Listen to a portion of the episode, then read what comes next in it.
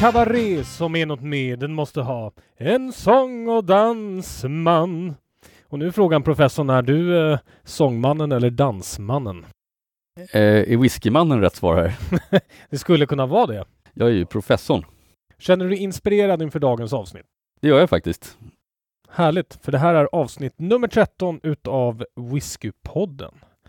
Och idag så ska vi på spännande uppdrag. Det ska vi, för vi har ju faktiskt eh, besökt Uppsala Beer and Whiskey Festival. Ja, Och det var första gången för oss. ja, det var det. Och det är andra gången som de har den här mässan i år.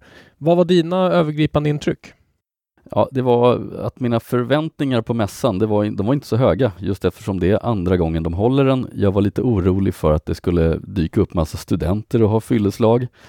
Men det gjorde det inte. Eh, så mina intryck var att det var en välorganiserad, bra mässa med en bra publik. Nu var vi där eh, fredagen, ska vi säga, när det inte var så mycket folk på dagen, utan vi var ganska ensamma tillsammans med resten av branschfolket och pressen. Men eh, jag tycker att det var väldigt bra arrangemang. Mm. Och jag tycker i och för sig att du glömmer bort här att det ändå var en del Uppsala, Uppsala studenter där. Men de hängde ju med greven.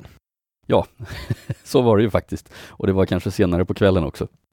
Det stämmer. Ja, men visst hade de något speciellt Uppsala-mässan? Tycker du att det var smart där också att de hade delat upp öl och whisky på olika våningar? Oerhört bra drag. Eh, Det fanns ju visserligen lite öl även på whisky-sektionen, men det är mest för att eh, de inte kunde fylla ut den sektionen med bara whisky. Men den stora massan av bryggerier som var där, de låg ju i en annan hall. Och det blev väldigt lyckat. Nu har vi Uppsala-mässan, vi har Stockholmsmässan, vi har i Örebro, vi har i Göteborg. Hur många finns det plats för? Jag tror att eh, så länge de håller sig till en region så finns det nog plats för hur många som helst. Det är när de börjar ligga för nära varandra som de kanske konkurrerar. Så Uppsala ligger väl i viss konkurrens med Stockholm, men de ligger ju olika tider på året. Ja, det gör de. Det stämmer.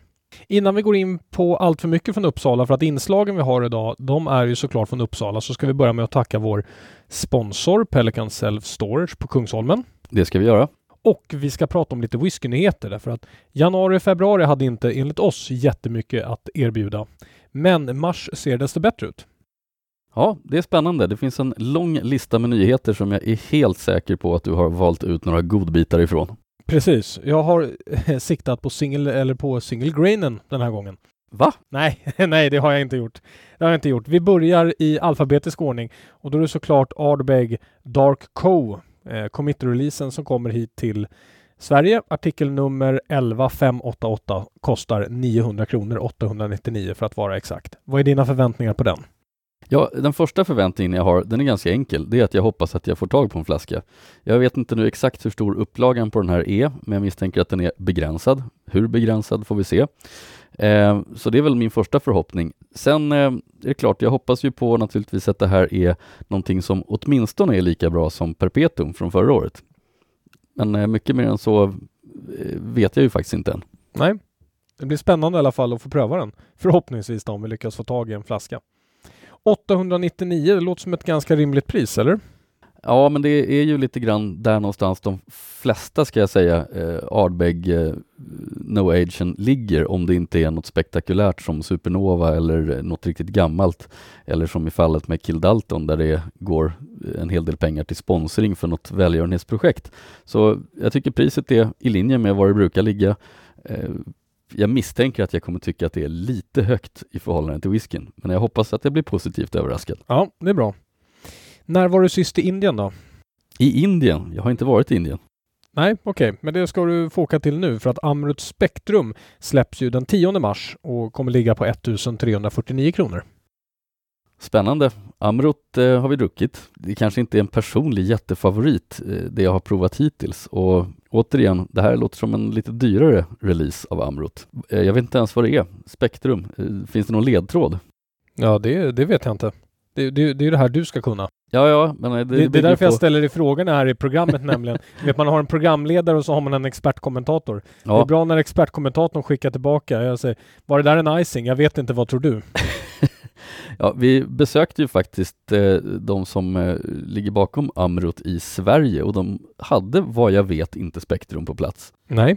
Så nej, vi får väl se om vi får möjlighet att prova den. Innan dess så väljer jag att inte uttala mig alls om den. En liten eh, rolig utgåva som kommer som jag inte vet hur mycket du vet om men eh, den 18 mars så kommer Arans Smugglers Edition. Vad kan du om smuggling? Smuggling kan jag inte så mycket om. Eh, Aaron kan jag kanske lite mer om. Eh, Aaron har ju på senare tid börjat släppa lite andra saker än bara sin standardrelease. Och jag har själv för inte så länge sedan införskaffat en eh, Aaron Single Cask eh, som var riktigt bra tycker jag. Så det här kan ju bli en spännande historia att prova. Mm. Vad säger du om den här då? Ytterligare en No Age-utgåva från Bomor. Coastal Confection. Det låter som något, något konfetti av något slag. Ja, jag säger nu får det räcka. Ja, du säger det. Ja, nej, nu får det faktiskt räcka. Eh, Bomor i all ära, gör fantastisk whisky när de vill, men nu börjar det gå inflation i No Age-releaser från Bomor. 1348 kronor. De kan ta bra betalt också. Mm. Behöver inte betyda att den är dålig som sagt, men, men jag tycker att det börjar bli lite väl mycket No Age. Mm. Glen Rots Peated Cask Reserve. Nu gör alla peated. Mm, det här har vi pratat om tidigare att eh, alla ska ha en sherrybomb och alla ska ha en rökbomb. Det är lite dit trenden går. Eh, jag tror jag vet vilken release det här är. Om jag inte helt missminner mig så tror jag att vi har sett den här i andra sammanhang tidigare, närmare bestämt i Taxfree. Och eh, ja, Glen Ross Peated, för mig är inte Glen Ross en rökig whisky. Eh, jag, jag tror inte att jag är intresserad av den här. 499 kronor. Vi kanske kan dela på att köpa en bara för att pröva den. Ja, det skulle vara det. Jag skulle nog gärna prova den först. Sen har vi ju Åban Little Bay. Mm, och det är ju lite spännande för Åban hör man ju inte så mycket om faktiskt. Åban gör ganska lite väsen av sig. Det är kanske lite grann motsatsen till Bomor på det sättet, även om de ligger nära varandra. Och Oban är ju en väldigt sympatisk whisky och ett bra destilleri i grunden. Eh, kanske är dags att pröva sin första Oban No Age. Mm, varför inte? Och sen så har vi två stycken svenska releaser också. Stora sådana. Den ena är Smögen Single Cask och den ska vi prata om senare så vi behöver inte kommentera den så mycket nu. Men Spirit of Ven släpper ju sin nummer fyra också, Megres. Okej. Okay.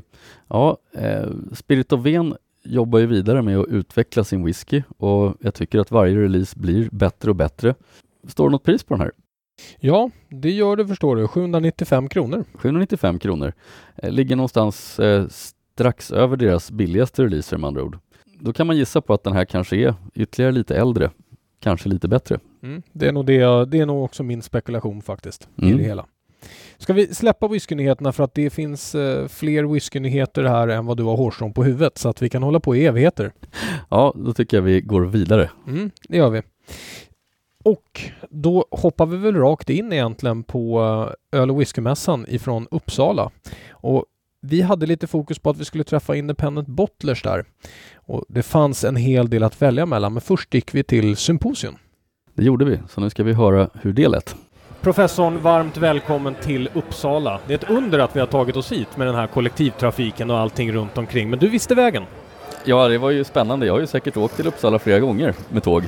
Ryktena säger ju att du även här omkring i krokarna har något gömt whiskyförråd i någon eh, vindkällare av något slag. Ja, det det säger ryktet och det är inte mer än tre mil härifrån. Men eh, mer än så tänker jag inte avslöja. Okej, okay, okej. Okay. Man får alltså helt enkelt ut och leta. Det kanske kan bli en tävling i Whiskypodden framöver. ja, det kan bli en ny sån här geolocation-lek. Ja. Det första vi såg när vi kom in här på Uppsalamästaren som nu har eh, presstimma, det var Symposium som vi har velat tala med under en ganska lång period. Men nu är vi här och först ut är Symposium och den som vi har med oss är Jonas Tornell som är produktchef på Symposium. Välkommen hit! Hej, tack snälla och välkomna! Tack! Skulle du vilja berätta lite om historien bakom Symposium och vad ni gör för något? Absolut, det, det, kan man prata länge om men i korthet så är det familjen Kuttanen som var med redan för 20 år sedan när eh, monopolet förändrades eh, och eh, var med och drev egentligen etableringen av single malt whisky i Sverige. Då fanns det ju kanske åtta sorter bortglömda i, på någon hylla och de lanserade då bland annat Gordon MacPhail och Springbank och de här stora klassiska destillerierna man, man fortfarande har. Gordon MacPhail är ju som ni vet en, en av de främsta oberoende buteljerarna så att har man dem har man ju hela, hela skotska whiskyvärlden i sin katalog bara den vägen. Mm. Sen finns det mycket annat också. Men, och familjen Kuttanen driver det fortfarande. Det var 20-årsjubileum förra året. Så att det växer och frodas. Och sen har ju på senare tid även den japanska whiskyn eh, och, och, då i synnerhet Nikka eh, fått väldiga framsteg. Och även där har ju Symposium varit pionjärer och, och, och så att säga lanserat en, en, en, en, ny kategori som sen blir, blir väldigt folkkär. Det här med independent bottling känns det som att det, det händer ganska mycket på det området. Det finns många olika svenska aktörer också som man träffar på, på mässor. Vad är det vi ser där i utvecklingen? Varför, varför kommer den nu och vad kommer hända? Ja, enkelt uttryckt har det ju då genom historien bitvis varit lätt att köpa fat. Så även rena garageföretag har kunnat komma över väldigt rara droppar. Men i och med att maltwhiskyn har blivit mer och mer populär så håller ju destillerierna själva i sina fat hårdare och hårdare. Mm. Och då är det ju en, en, en särdeles eh, fördel för Gordon MacPhail som har relationer sedan 120 år tillbaka med de här destillerierna. Man har långa kontrakt, man har långa relationer så att man kan liksom få komma över sina fat i alla fall och fortsätta att ha den här makalösa katalogen. Och förvisso har priserna gått upp, det, det har de, men, men Gordon MacPhail kan ändå hålla tillbaka eh, jämfört med många andra. Mm. Eh, och där har vi även fördelen med Coopers Choice eh, våra andra oberoende buteljerare som, som är väldigt stora i skotska whiskyindustrin på andra områden och kan den vägen komma åt unika buteljeringar, unika fat. Det är vi tacksamma för. Samma sak med Cadenhead till exempel som har lett eh, som, som Springbank Distillers eh, står bakom, men som är helt oberoende, oberoende buteljerare. Mm. så att det är samma sak där, de kommer över de här faten och har de här faten i sina, sina lagerhus som, som, som alla vill ha. Och det är vi tacksamma för och vi jobbar hårt för att allokeringarna till Sverige ska gå upp mm. så att vi får välja de raraste faten och, och, och får fler flaskor än dessa. För det är så tråkigt att lansera. Det är kul att lansera whisky som säljer slut på en dag. Samtidigt är det roligare att kunna ha den nivån på whisky och kunna erbjuda oftare, så att säga. Så att vi kämpar på att få öka, ökade allokeringar och det går, det går bra får jag säga. Ja, det gläder oss eh, särskilt eftersom det är kul om vi spelar in någonting här i podden som faktiskt går att köpa nästa vecka också. Mm, med fördel. Ja. Om du vill ge ett eh, tips då till en vän som jag har som har glasögon och börjar bli lite tunnhårig om, om man vill driva en egen independent bottling. Hur går man då tillväga? Han kallas professorn också i alias. ja du.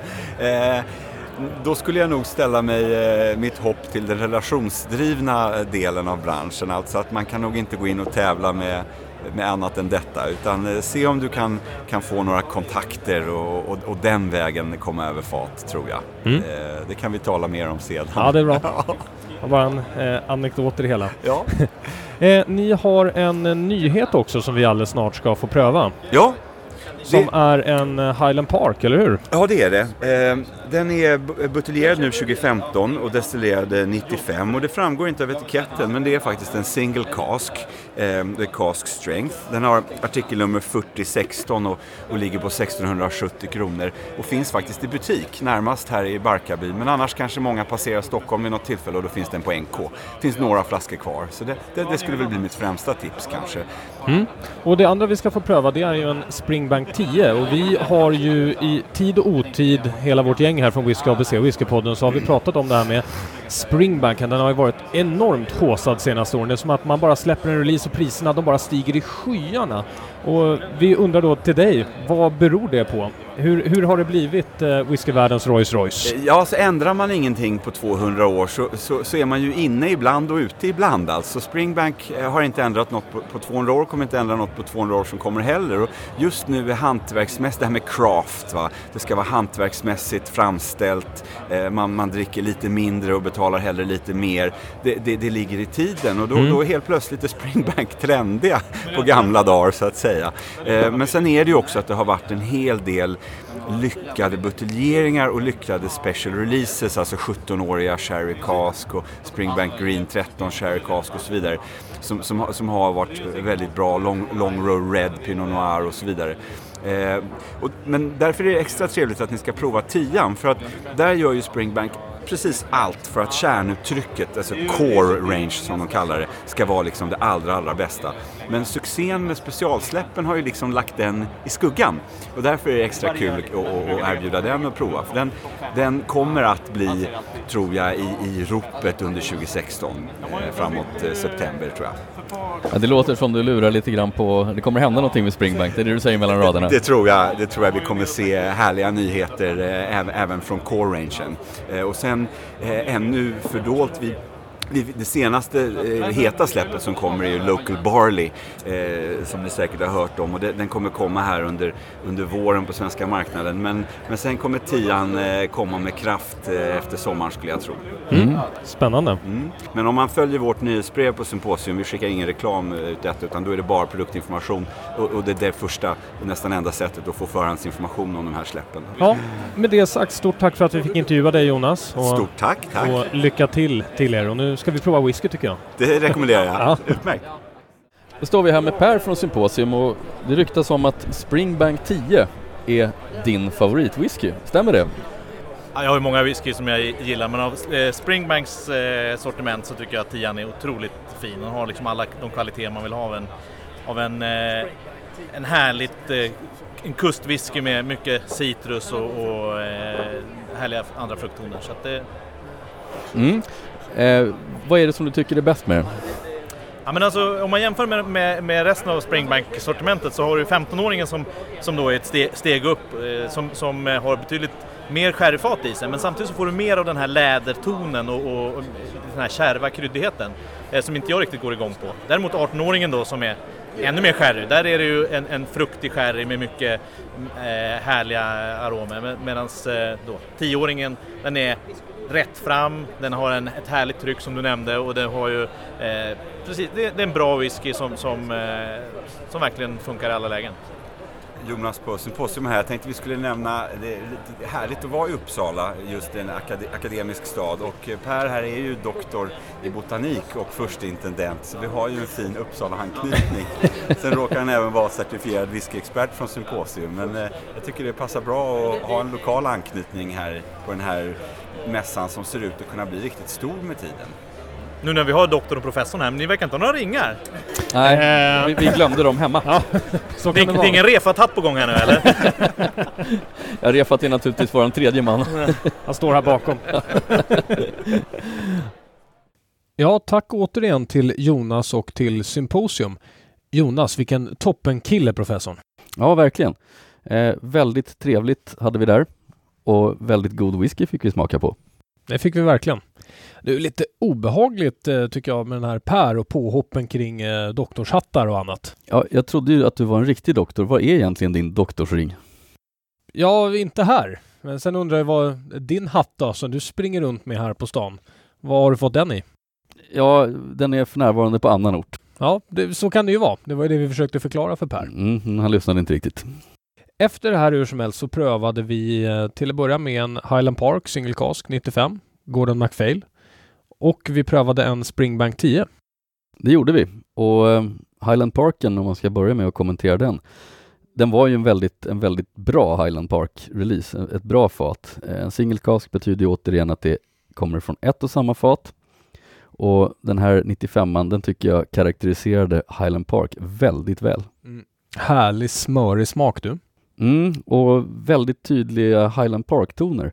Det enda som jag kunde hitta i den som var lite annorlunda, det var att den kanske var lite mer råbarkad och hade till och med lite medicinaltoner i sig. Ja, de här medicinaltonerna du hittade som du i och för sig tyckte då var väldigt positiva i inslaget, att den gav mer balans till själva whiskyn. Mm. Springbank 10 då? Ja, eh, det var ju en whisky som jag kanske inte skulle valt eh, själv rakt upp och ner och prova för det är ju en helt vanlig standardrelease, Springbank 10. Men eh, det var länge sedan jag provade Springbank och en av orsakerna det är ju att den tyvärr är ganska högt prissatt. Det finns en stor efterfrågan på Springbank, den är väldigt högt ansedd internationellt. Och nu när vi smakade på den så kan jag ju faktiskt delvis förstå varför priset är som det är. Det här är en väldigt bred och komplex whisky för att vara tio år gammal. Men eh, kanske inte tillhör mina favoriter ändå. Nej, det gör det inte hos mig heller. Å andra sidan får man komma ihåg här att spejaren tyckte att han helt hade återfunnit eh, Springbank i sitt originalskick och ville ju köpa en på en gång. Så det är klart att det här skiljer sig lite mellan vad man tycker.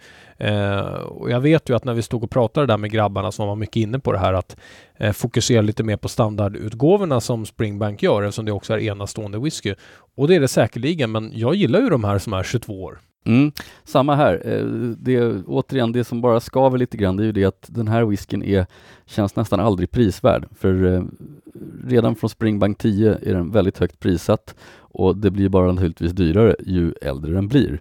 Så att eh, priset ligger någonstans hela tiden före whiskyns eh, kvalitet.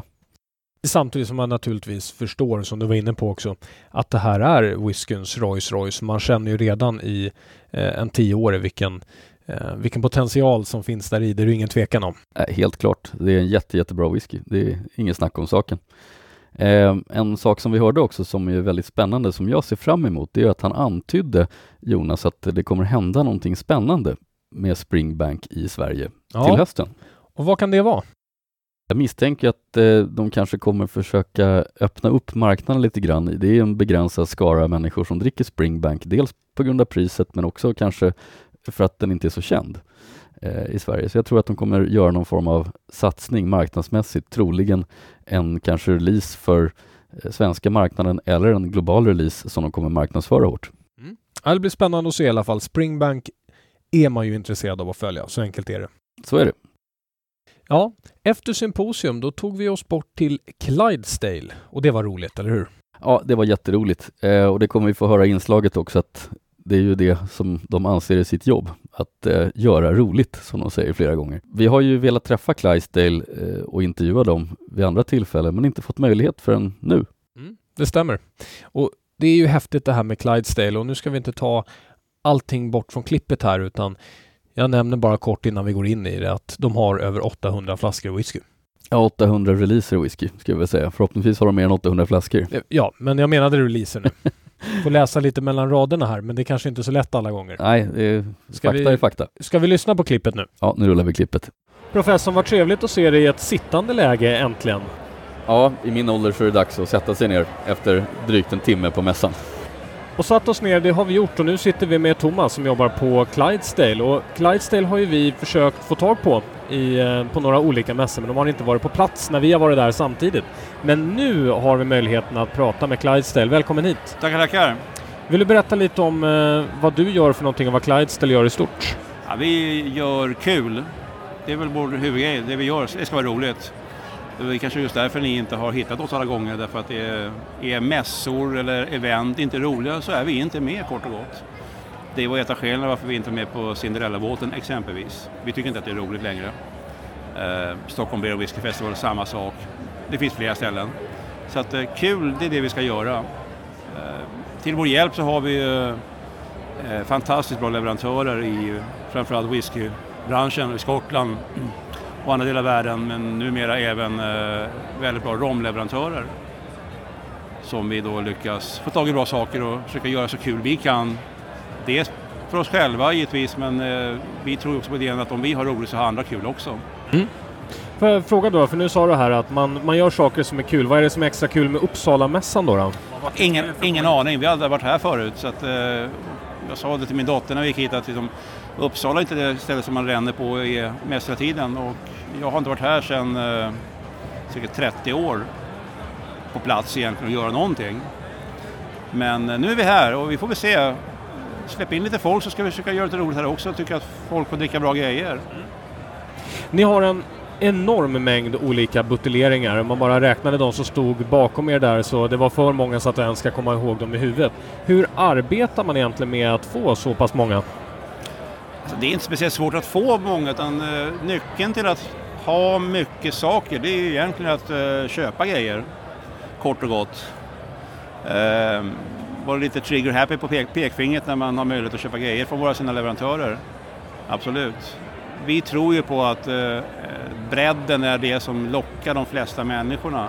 Det är mycket möjligt att man säljer betydligt mycket mer om man har bara en produkt, men då säljer man mycket av den produkten.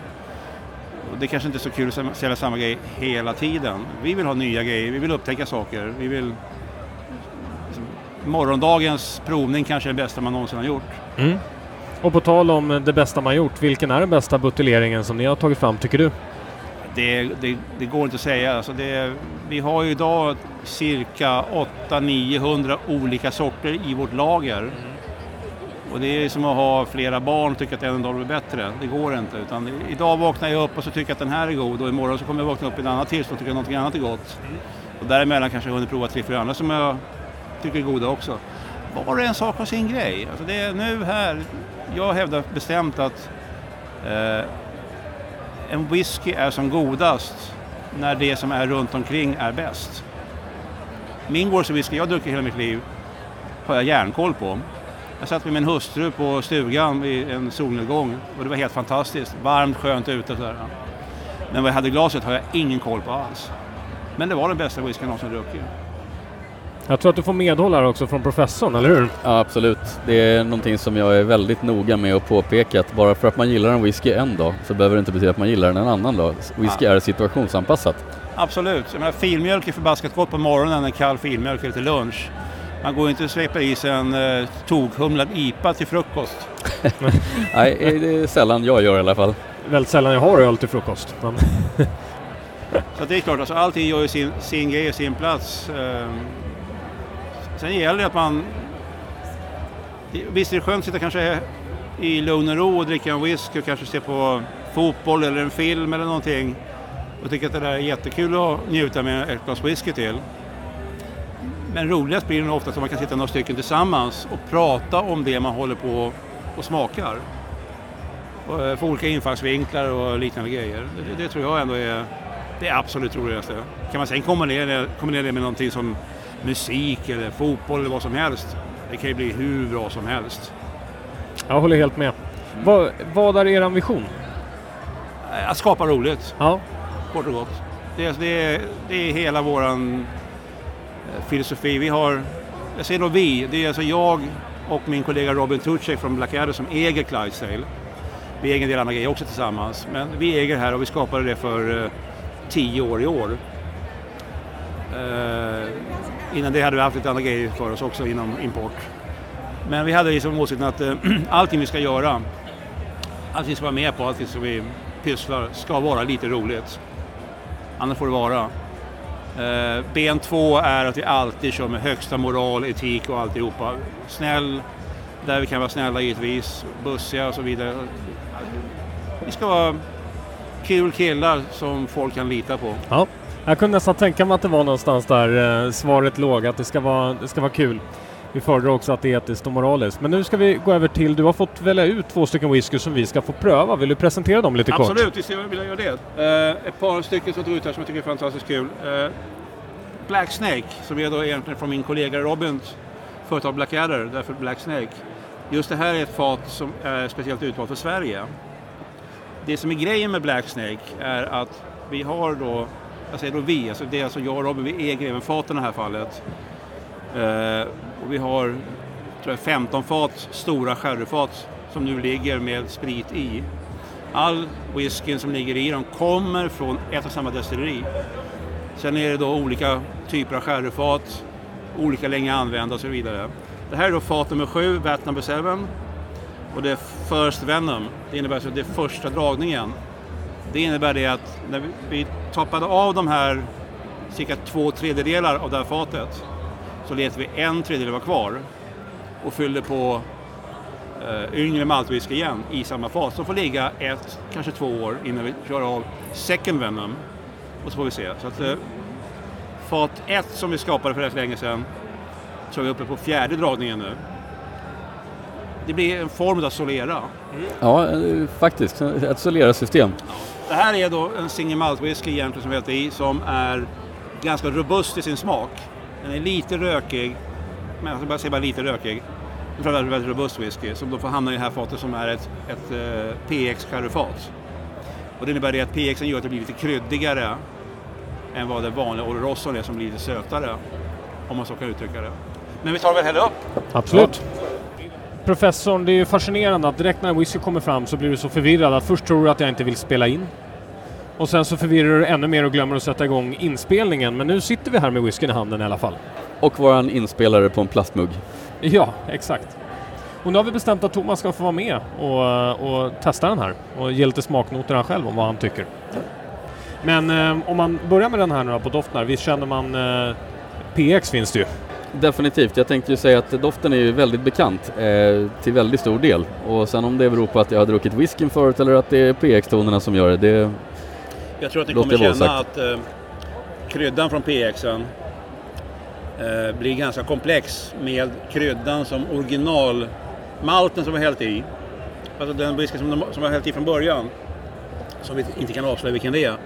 Den är också väldigt kryddig egentligen, med en lätt, lätt touch av rök. Det finns en väldigt trevlig eh, grundton som är lite toffee-sherry i smaken. Jag, jag gillar det. Mm. to- Toffen kan jag säga, den kommer då från originalmalten. Jag måste ju säga efter, efter att ha smakat på den så är det lite som när man var liten och mamma gjorde bak hemma. Det är en sån härlig så här smörig kola Mm. och samtidigt med det här, just det här trycket som kommer i hela whiskyn som jag älskar. Eh, jag vill köpa den här. En av mina kamrater som är med här på mässan brukar tycka att eh, i den här typen av smaker så hittar man en, ett godis som heter Kungen av Danmark. Mm. Som är lite kryddig. Eh, sådär. Och det tycker jag det kan man göra rätt lätt i den här. Ja, Ja, kanske är lite av, ja. Men- jag vet men- vilket godis det är, det är också ett barndomsminnen. Ja, precis. Du, du sa ju det här med barndomsminnet. jag tänkte, Kungen av Danmark, det åt man mycket när man var liten av Mm. någon anledning. Det kan ju vara så att jag har rätt, det kan också vara så att jag för en gångs skull har helt fel. Men jag får ju någonstans en känsla av att jag gillar den här doften och smaken så mycket för att den här är på något sätt relaterad till hybriderna. Ja, jag kunde tänka mig att det var någonstans där du skulle hamna. Men eh, vi vet ju inte vad det är för fat så att eh, jag kan ju naturligtvis vara helt ute och cykla. Ja, Jag tycker den här kryddigheten också, jag brukar beskriva kryddigheten på lite olika sätt. Det ena är att eh, den är kryddig, men jag får ju lite sprits även i den här. Men nu eh, går vi vidare till nästa. Väl till whisky nummer två. Där har vi nu fått lite föraningar som vi inte hade recordingknappen på. Att det här är en speciell whisky och Spejan han sa att det var otroligt mycket att läsa på framsidan. Och nu har du lovat oss Thomas att du ska berätta mycket om den här whiskyn. Jag ska berätta mycket om den här whiskyn. Det är ett destilleri som är ganska nyöppnat. Där eh, personerna som driver det här, eh, familjen Elstrop, är precis som vi. De gör sånt de tycker är roligt. Eh, de har någonting som vi inte har, det är skitmycket stålar. Eh, de har en destillatör som heter David Fitt som egentligen kommer från eh, ölindustrin och har på brukt eh, Abbott Ale i hur många år som helst vilket gör honom till kung bara i det avseendet för det är en fantastiskt god öl. Han är också väldigt duktig på smaker. Eh, grejen med det här fatet är att det har legat på ett så kallat Sassicaia-fat. Sassicaia är ett, ett rödvin som kommer från Italien. Och ingen vet egentligen vad Sassicaia-fat är om man inte har provat det. Och det är väldigt få som har gjort det, för det är ett vin som är otroligt dyrt. De som kan viner säger att det här är Toscana extra allt. Italiens Rolls Royce. Att eh, hade Tanuta inte gjort det här vinet så hade man förmodligen inte haft den boom på Amarone-viner man har idag. Nåväl, tillbaka till Sassicaia. Ett tungt, kraftigt, komplext rödvin som man då sedan har skickat fatet över till English Whisky och fyllt upp med deras eh, orökta orörta recept. Vi ser färgen, den är fantastisk. Den är mörk. Röd. Mm. Och som du sa där, att eh, etiketten, visst det står massor på den. Jag sa att vi är i Sverige, här vill whiskynördarna ha mycket information. det är egentligen det enda som saknas är väl Davids eh, skostorlek ungefär. Ja, Kul! Vad pratar vi för procenthalt på den? 57,1. Ja, 57,1. Liknande som den andra man Ja. Mm. Spännande. Vad har vi, står det en ålder på den också? Den är drygt sju år. Drygt sju år. Mm. Det är så här det ska doftas när det är, var det Sassicaia det hette? Men eh, du, du, känner du likheten med eh, Bordeaux-lagret? Det finns ju viss likhet, även om den här var mycket, mycket mer eh, tung i eh, doften. Jag ska nog vara ärlig och säga att den var lite roligare också.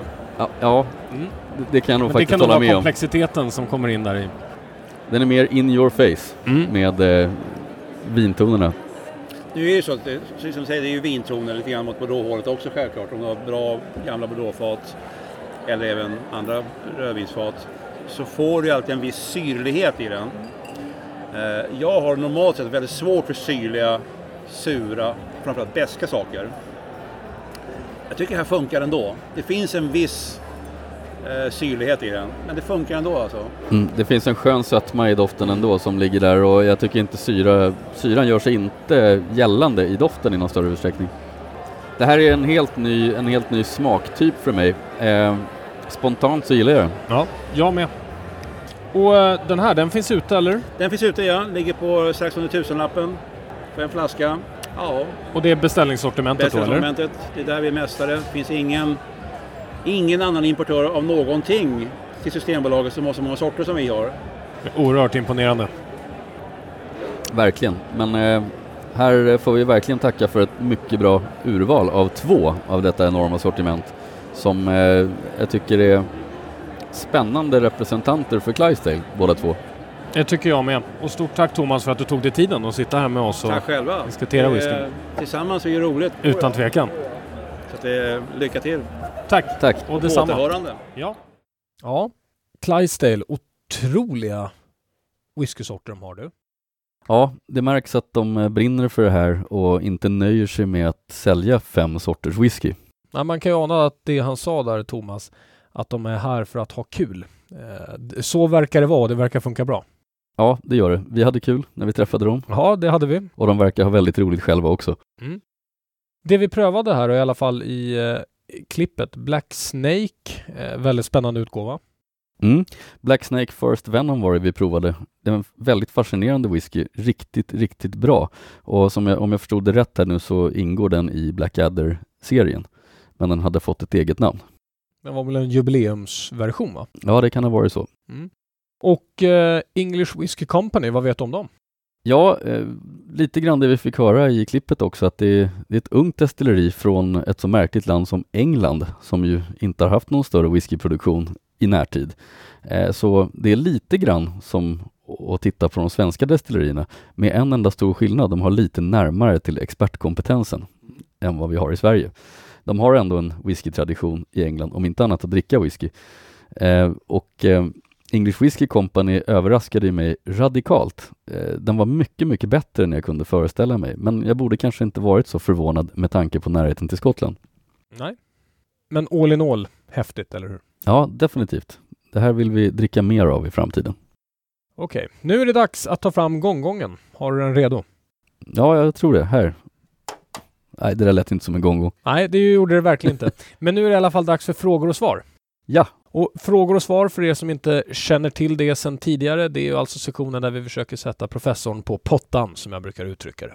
Och vill du skicka in frågor till frågor och svar, då gör ni det enklast på kal med c whiskyabc.se. Skickar ni det till vår vanliga infomail eller på Facebook finns ju risk att professorn läser det sen innan och då får vi det mycket tråkigare här i podden när han redan inläst på vad som ska hända. Vi har två frågor från en person som heter Alex och en från Tommy den här veckan. okej. Mm. Ska vi, vem vill du börja med? Ja, vi kan väl börja med Alex ena fråga. Alex ena fråga, okej. Nu är Hans ena fråga att han var från början ett stort fan utav Ardbeg korvräckan och numera också av Glenfarclas 105. Vad ska jag köpa för whisky härnäst? Mm, det är ju en eh, bra fråga, särskilt som de här två whiskyna är eh, helt olika i karaktär. Men de har faktiskt en gemensam nämnare och den gemensamma nämnaren är att de smakar väldigt mycket av någonting. Den ena är ju en väldigt rökig whisky som har lite andra komponenter också. Den andra är Glenfarclas, den är väldigt sherrytung. De är också starkare än 40% båda två. Så jag kanske skulle leta efter någon spännande antingen väldigt rökig eller väldigt sherrylagrad independent bottling. Ja, och var ska jag leta då? Ja, det finns ju ett nästintill oändligt antal, men eh, en bra början är ju att för sherrysorterna leta i Speyside och de rökiga rimligen på Isla. Har du något från Systembolaget du kan tipsa på på rak arm? Nej, jag har inte det, i, i alla fall inte i någon motsvarande prisklass sådär. Men eh, jag får fundera på det till nästa gång. Toppenbra, toppenbra. Ska vi ta Tommys fråga då? Mm. Mm. Då är det en fråga från Tommy här. Och Han beskriver sig som en eh, Glenlivet-älskare mer än en whisky-älskare. Men har nu insett att det kanske är dags att ta sig utanför Glenlivet-området och finns det då några likar till Glenlivet? Ja, det gör det ju. Alltså Glenlivet är ju en väldigt, väldigt bra allround whisky för eh, om man gillar Speyside-typen av whisky. Jag brukar ju säga att för mig så är det representationen av Speyside till och med. Och en enkel början är väl att gå utanför Speyside. Eh, ja, klart man kan ju fortsätta inom Speyside också, men man kanske ska ta steget över till annan Highland whisky som kan ha lite andra komponenter. Varför inte börja med en eh, Highland Park? Det är ingen dum idé. Den har ju fortfarande lite, lite sherrytoner i de flesta releaser, eh, men har eh, lite annorlunda karaktär. Och då är det den 18-åriga som du tänker främst på här Ja, det är naturligtvis det, den man eh, skulle föredra här. En 15 och en 18-åring och sen så finns det ju en 25 också va? Ja, nu finns ju 12 även om inte du gillar den så mycket. Jo, det gör jag. Ja. Jag bara tog de som var bättre. Ja. Ja, nu kommer fråga nummer två ifrån Alex här och nu är jag inte riktigt säker på om du kommer sitta kvar på din stol efter det här, men han undrar då efter frågan om Glenfarclas och korvräckan, om man ska göra en whiskydrink, vad ska man göra den på då? Mm. Nu tror du att jag ska bli extremt upprörd och säga att eh, det här får man inte göra på whisky. Men eh, så, så är det inte alls. Ja, det hade blivit ganska underhållande för de som lyssnar kanske. Ja. Nej, jag kommer istället säga att eh, det finns två typer av whisky som du ska göra whiskydrinkar av. Den ena är den som smakar väldigt lite, om det är alkoholbasen du är ute efter och kanske en viss malt eller grainton som finns där lite i bakgrunden. Då är det ju själva mixen som kommer bli huvudingrediensen i drinken. Men jag skulle nog eh, säga att an andra alternativet är att man har en whisky som smakar väldigt mycket av någonting, som slår igenom och är huvudsmaken i drinken. Eh, och det är lite mer ovanligt, det brukar man inte göra.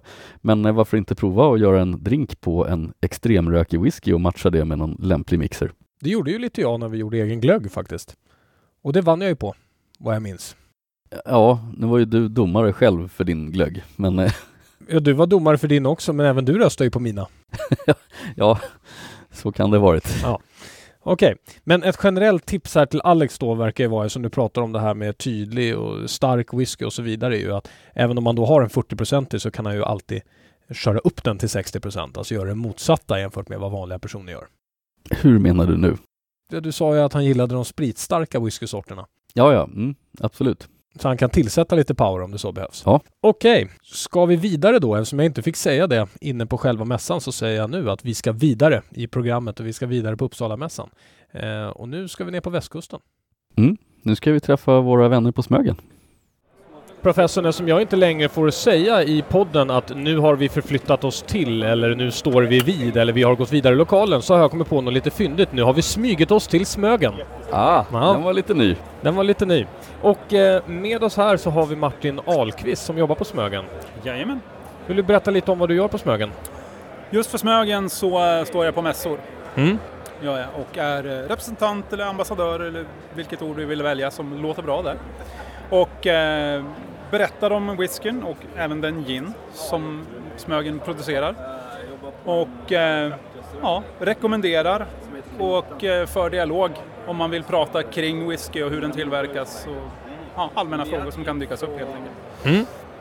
Och eh, Smögen då här framgent, har du några hemligheter du kan berätta om vad som ska ske under året eller är det strikt förbjudet att tala om?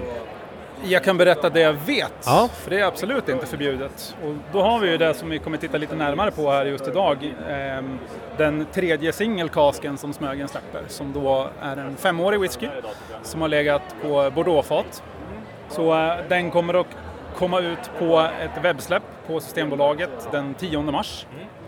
Det gäller att man är inloggad och snabb på fingerknappen. Hur många släpper ni? Cirka 300. Och jag har något minne av här, om, det inte, om jag inte minns fel, att jag pratade med Per om något tidigare släpp där han sa att det gick på några sekunder eller om det var minuter. Jajamän, vi har eh, Smögen Cherry Project 1.3 som var slut på en och en halv sekund. Ja, ja det är helt otroligt. Mm. Och Vad det säger var till du? och med mer än 300 flaskor om jag minns rätt. Vill du berätta lite mer om den eh, utgåvan som ni kommer ut med nu? Ja, som sagt, singelkask eh, Bordeauxfat. Den är ungefär fem år gammal och den ligger på 61,3 procent. Mm. Ganska mycket. Förslagsvis så spär man ut den med lite vatten. Om man inte som jag då tycker väldigt mycket om att dricka just whisky som är eh, cask strength. Då är vi tre. Okej? Ja, det kan, det kan vi lova. Ja. Men där är det väldigt olika. Där är man väldigt olika. Så jag, jag säger alltid att drick den som du trivs bäst. Är det här första mässan ni har med den på eller har ni haft den någon annanstans tidigare? Mig veterligen så är det den första, men jag ska inte svära på det eftersom jag inte har varit med på de två föregående mässorna. Det blir en bra nyhet i alla Men, fall. eh, Ja. Det är helt klart en bra nyhet. Ja. Eh, utöver det så har vi ju ännu en nyhet. Och den törs jag säga är absolut första mässan som den är Ja. med på. För att den buteljerades bara här i dagarna. Och den där lilla flaskan på 200 ml som heter Rå. Och då är då Smögens New Make. Ja, Destillatet som man fyller på faten som sedan blir whisky efter plus tre år. häftigt. Den ligger på eh, 74 ppm och är hela 71 procent. Så den kan man också prova här idag. Inte illa. Ja. Ja, då har vi någonting att sätta tänderna i också. Lite, lite äkta svensk moonshine. Ja, verkligen. ja, vad säger du professorn? Vill du pröva? Ja, nu kan vi inte hålla oss längre. Vi ska bara nämna en enda sak till, för eh, den här singelkasken som eh, jag ser fram emot mycket att testa, den har vi ju nu räknat ut att den antagligen är tredje äldsta svenska whiskyn. Ja, det måste det vara. Efter Mackmyras 10-åriga och efter Norrtäljes 6-åriga så måste det här Mm. vara den äldsta whiskyn. Mm, för den här är, det är ju inte riktigt sant att den bara är fem år, den är fem och ett halvt år till och med. Precis. Ja, nu står vi här med varsitt eh, glas med den här singelkasken från Smögen. Och vi har ju redan hunnit tjuvstarta och dofta på den lite grann. Och tycker inte du att den luktar ganska mycket sherry? Jo, jag tycker det. Eh, men eh, nu får jag bli rättad här, för det står ju faktiskt på flaskan väldigt tydligt att eh, den är bordeauxlagrad i slutändan och då är vi väl snarare på någon chateau närmare än någonting annat. Ja, och nu när du säger det så borde man ju kanske snappat upp att den är något stramare än bara sherrytoner. Det är, det är alltid lite fusk och det är viktigt att säga till lyssnarna också att när någon säger tänk bordeaux, nu luktar det ju vin istället. Ja, så är det ju naturligtvis. Men eh, ja, den är inte helt olik sherrytoner, så kan vi säga. Nej, det är den inte. Men precis som du säger, den här strävsamheten kommer ju faktiskt fram om man koncentrerar sig lite. Vi tar och eh, provar. Här i smaken blev det ju en helt annan eh, historia. Här var det inte så mycket sherry. Vad bra det var! Den här är ju, ska vi nämna, 61-procentig. Vi har inte vattnat den än. Jag måste verkligen vattna den här för att eh, jag tror att det kan komma fram eh, en hel del nya smaker i den här om man gör det. Eh, Den, den har en helt unik häftig ton, har du tänkt på det? ja, Den, den känns väldigt annorlunda jämfört med någonting som man har prövat förut. Jag vet inte riktigt vad jag ska sätta för ord på det. Kan det vara att den är svensk? Kan det, kan det vara en... det skulle kanske det vara att den är lagrad på? Bordeaux och det tillhör ju inte vanligheterna. Nej, den har otroligt häftig ton. Mm. Ja, vattna du om du vill. Ja, det här är vatten antar jag och inte gin. Ja. Så roligt ska vi inte ha ännu. Så, då har den fått lite vatten i sig. Mm, Nu tycker jag den Nu. blev betydligt mindre sherry-inspirerad i doften. det blev den. Nu är det vin vi talar om. Och vi talar lite mörka, underbara, härliga bär och vi pratar lite godisbutik. Det finns lite choklad, Det finns lakrits. det finns lakrits. Mm, det är riktigt godistrevligt där. Är det torkad eh, sån här marmeladkulor tänker jag på? Nu är jag den enda som äter dem i hela Sverige, därför de bara finns på platsen där jag bor. Men Ja, men Jag tycker nog att sältan och eh, lakritsen tar över lite mer efter vattning. mm, nej, det här är en trevlig chateau på västkusten, det lovar jag dig. En chateau på västkusten. Mm. En Han, är, chateau han, är Glendo. inte, han är inte dum den här Per alltså. Nej, Han har tänkt igenom allting. nu tycker jag vi tar och provar lite råsprit. Det tycker jag. Mm. Stäng chateaun då. Man kan ju säga så här att nu när vi står med råspriten i handen så är det lite som att vi har stängt chateaun, gått utanför verandan och framför oss står västkusten. För det är så den lite ser ut i färgen den här. Den är genomskinlig och trevlig. Ja. Eh, är du säker på att det inte här bara är vattnet vi sköljde glasen med? Jag är ganska säker efter att ha doftat på den, men får du ut några smaker? Känner du framförallt de här välkända 74 ppm som kommer igenom? Eh, nej, jag måste ju säga att jag gör ju inte det. Och det är ju lite märkligt kanske. Ja, kanske säger mer om dig än whiskyn i och för sig, men eh, Ja, Jag har ju känt den i de andra tidigare men eh, nej, det är väl det. Min PPM-sensor har tagit slut. om man inte ens känner 74 ppm, då vet jag inte om man ska hålla på med whisky överhuvudtaget. nej, jag börjar tvivla på det. Men ska vi göra så här att vi, vi prövar den därför att det som kommer fram naturligtvis är ju, tycker jag, en väldigt tydlig rökighet och så är det ju den här hallonsaften underliggande. Och den är rund och balanserad, den är, inte så, den är inte så skrikig, det är ganska trevligt. Nej. Jag tycker doften, doften är väldigt sympatisk för att vara en råsprit. Den, eh, den har en halm maltton, lite lagård eh, och eh, som du säger, visst den här som vi kallar för hallon som är den här eh, råsprits, typiska råspritssignaturen. Exakt. Men vi provar. Mm. Nu känner jag ppm hörru. Gratulationer professorn. Tack. Välkommen till västkusten. Ta tack så du ha. Jag tror faktiskt att det är lite grann så för min del att Mm. den här överväldigande spritstyrkan på 71% den dämpar lite av intrycken. Så vi kanske faktiskt till och med borde hälla i lite vatten den. Ja, jag, för att jag ska det göra det. Ja, du har vattnet ja, just det. Jag höll på att ta gin igen. Mm.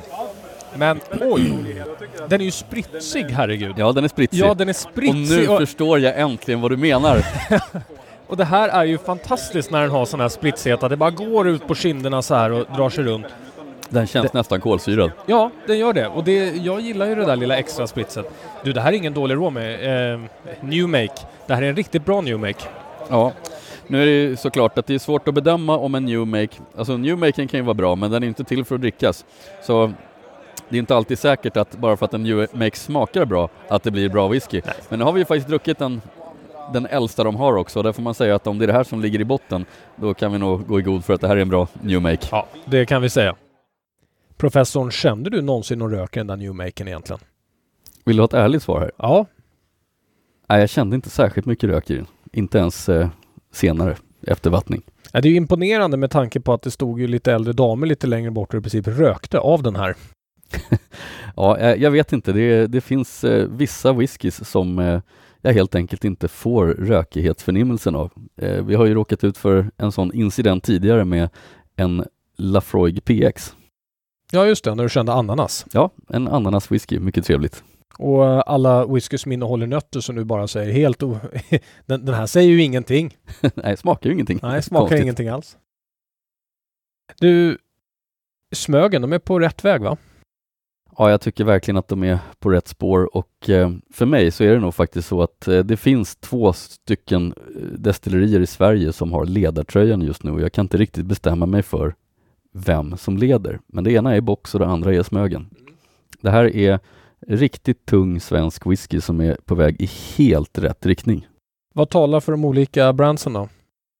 Ja, de har ju lite olika stil. Eh, Box eh, kör ju lite mer åt det japanska hållet eh, i, i stil, medan Smögen tycker jag kör en, en härlig eh, eh, havsbaserad sherrytung whisky som, som eh, har helt annan karaktär. Om de fortsätter hålla sin stil så ja, jag tror båda har en väldigt bra chans. Vad vill du helst ha då? Chateau på västkusten eller varm härlig stuga i Ådalen? Jag tar båda. Du tar båda. Mm, Lite som den gamla mutkulturen när man kunde få en jaktstuga per person om man var en hög direktör. precis. Okej, det var väl allt vi hade att säga egentligen för den här gången. Ja, det var allt för detta avsnitt. Och nästa gång, vad ska vi prata om då? Ja, nästa gång då ska vi prata om den här stugan som du har förvärvat i Ådalen sedan vi var på besök hos Box. För då blir det nämligen det första som vi gör ifrån Ådalen. Det blir ett eget avsnitt om Box och senare så kommer ju även en dokumentär som vi har pratat om sedan tidigare. Mm. Eh, men eh, för nästa avsnitt fokuserar vi på vårt besök där och när vi fyllde vårt fat.